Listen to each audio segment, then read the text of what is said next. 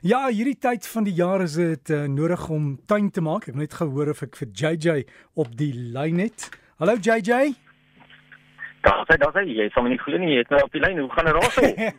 dit gaan goed met my. Nee, ek wil net seker gemaak het ek het jou darm want ons sukkel so bietjie soms met die kommunikasie. Jy is nog steeds in Australië, né? Ek is ja, ek is en dit is lekker winderig hier so vandag. So ek dink die tuin word ook weggewaai. Hoorie JJ, ek het vir jou nou-nou 'n storie gestuur oor Johannesburg wat mense beboet as jy 'n boom buitekant jou erf verwyder, beskadig of uithaal en sommer net sny, beboet hulle jou deesdae en dis om die bome te beskerm. Ja, Dirk, ek dink dit kom daarop neer dat geen van die bome wat op jou sypaadjie staan enigstens aan jou behoort nie. So die plante groei en staan onder die bome is nie 'n probleem nie. Jy kan daarmee maak net wat jy wil. Uh natuurlik is dit ook jou verantwoordelikheid om jou sypaadjie mooi netjies te hou. Baie mense dink dit is die uh munisipaliteit se verantwoordelikheid om dit netjies te hou. Nee, dit is nie. Dit is jou verantwoordelikheid om dit netjies te hou.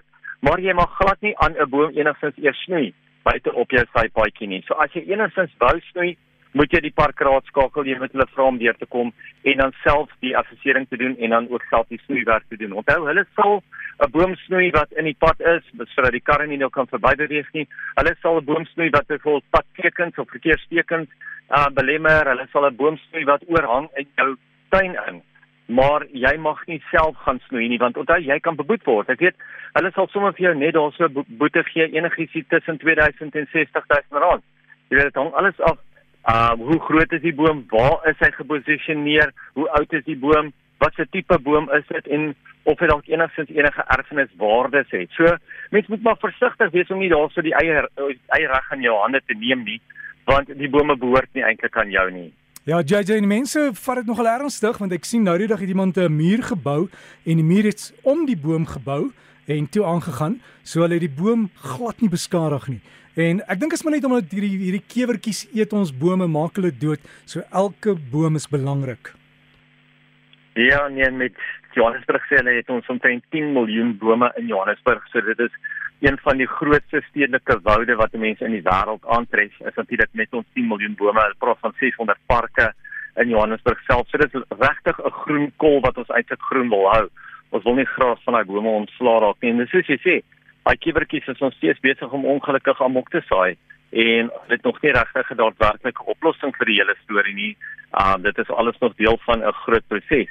So ja, kom ons probeer eerder om die bome te probeer behou en nogal heel interessant, ek het reg terug gesien ek ook waar 'n ou 'n groot boomwortel gehad het wat gehardloop het presies waar hy sy muur se fondasie gegooi het en waar hy eerste paar rye stene sou gegaan het en toe het hy letterlik 'n lintel net van daai sementblokke basies bo op die paar stene neergesit en so vir die wortel ook kans gegee om onder die muur deur te kan ontwikkel sonder dat daai wortel die muur gaan kraak en so het ook seker gemaak dat die boom toe behoue kon bly sonder enige probleme.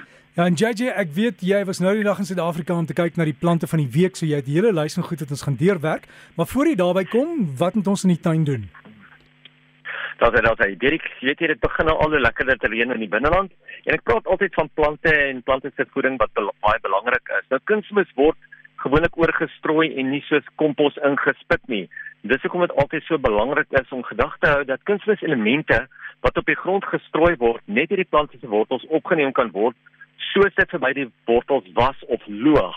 Dis vir daai rede ook hoekom ek altyd sê mense moet gereeld kunsmis strooi sodat die voedingsstowwe konstant by die wortels kan verby beweeg. Andersins, as jy mense dit gereeld gou sou strooi nie, gaan jy kunsmis net in vla by die plante kry en dan weet jy dat jou plante net sekere tye ook vinnig gaan groei.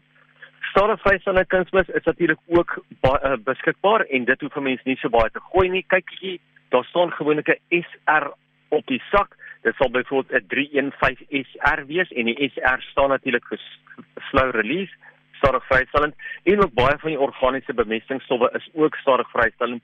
So die elemente word stadiger vrygestel. Dit loop ook stadig verby die plante se wortels en dit voer die plante vir 'n langer periode. As dit kom by oplosbare of vloeibare bemesting, is dit natuurlik heel anders. Meeste oplosbare en vloeibare bemesting kan oor die algemeen deur enige gedeelte van die plant geabsorbeer word. Dis hoekom mense dit sommer net oorhoofs kan oorspuit of jy kan die plante self daarmee benat sodat jy uh, dit nat gooi en die en die kunsmis deur die wortels opgeneem kan word.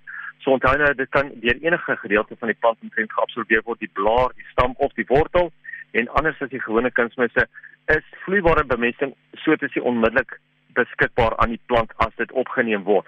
Nou ek het dit al gesien waar ek 'n plant die eendag hy baie bleek en vaal gelyk, toe gee ek vir hom daai uh, vloeibare bemesting en sommer in een dag toe word hy weer mooi groen.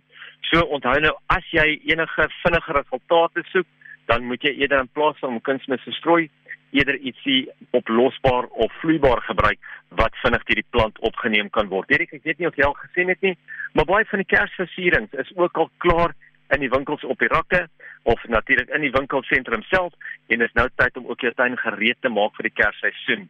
Meeste saailinge vat om en by 4 tot 6 weke om lekker te vestig. Dit beteken as jy dit nou gaan plant, gaan dit net betyds reg wees vir die familie se kuier of die vriende se kuier gedurende Desember. Fokus veral op jou voordeur en natuurlik op jou kuierareas. Jy hoef nie jou hele tuin te gaan opplant nie. Ek weet water is maar skaars. Ek weet tyd is skaars, geld is skaars, so mense moet maar probeer om te fokus op dit wat jy kan hanteer. En dis hoekom ek altyd sê kyk na jou voordeur, kyk na jou kuierareas. Dit is net so lekker soos 'n kleurvolle verwelkomende tuin nie en ek hou self daarvan om sterk kleure te gebruik en dieselfde kleure ook bymekaar te groepeer. Dan is dit so amper asof mense baie groter impak op die einde van die dag kan kry.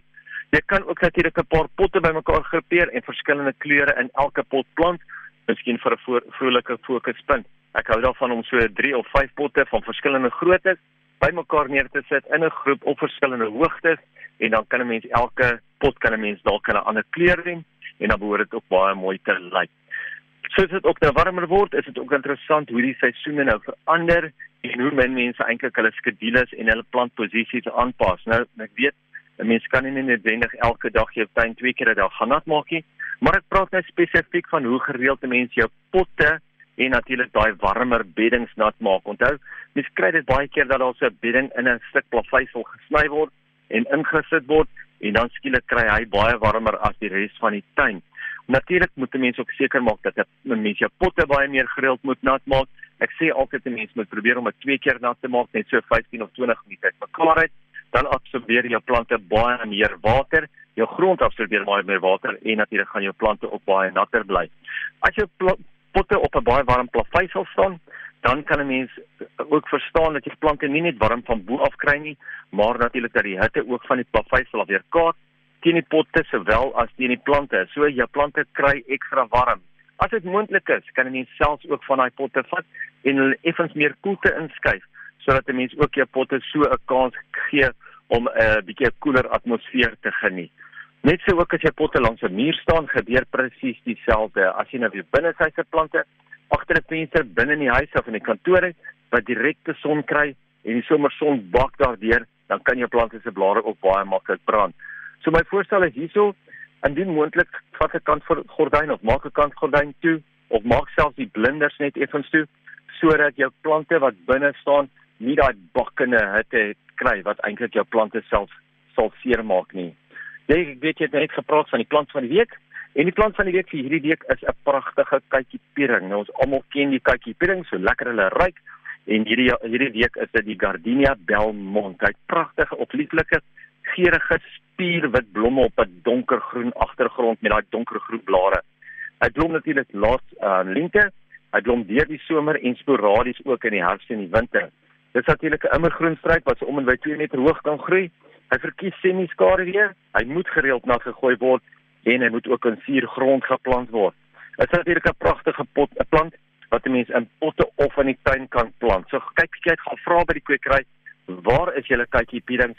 Nou dat dit in blom is, nou kan jy gaan ryk en lekker ryk en dan kan jy sommer 'n paar vir jou eie tuin kies. En ek praat nou spesifiek van die Delmont variëteit. Dis nou een van die variëteite wat lekker baie blom. En die kykie piering ryk so lekker, né? Nee?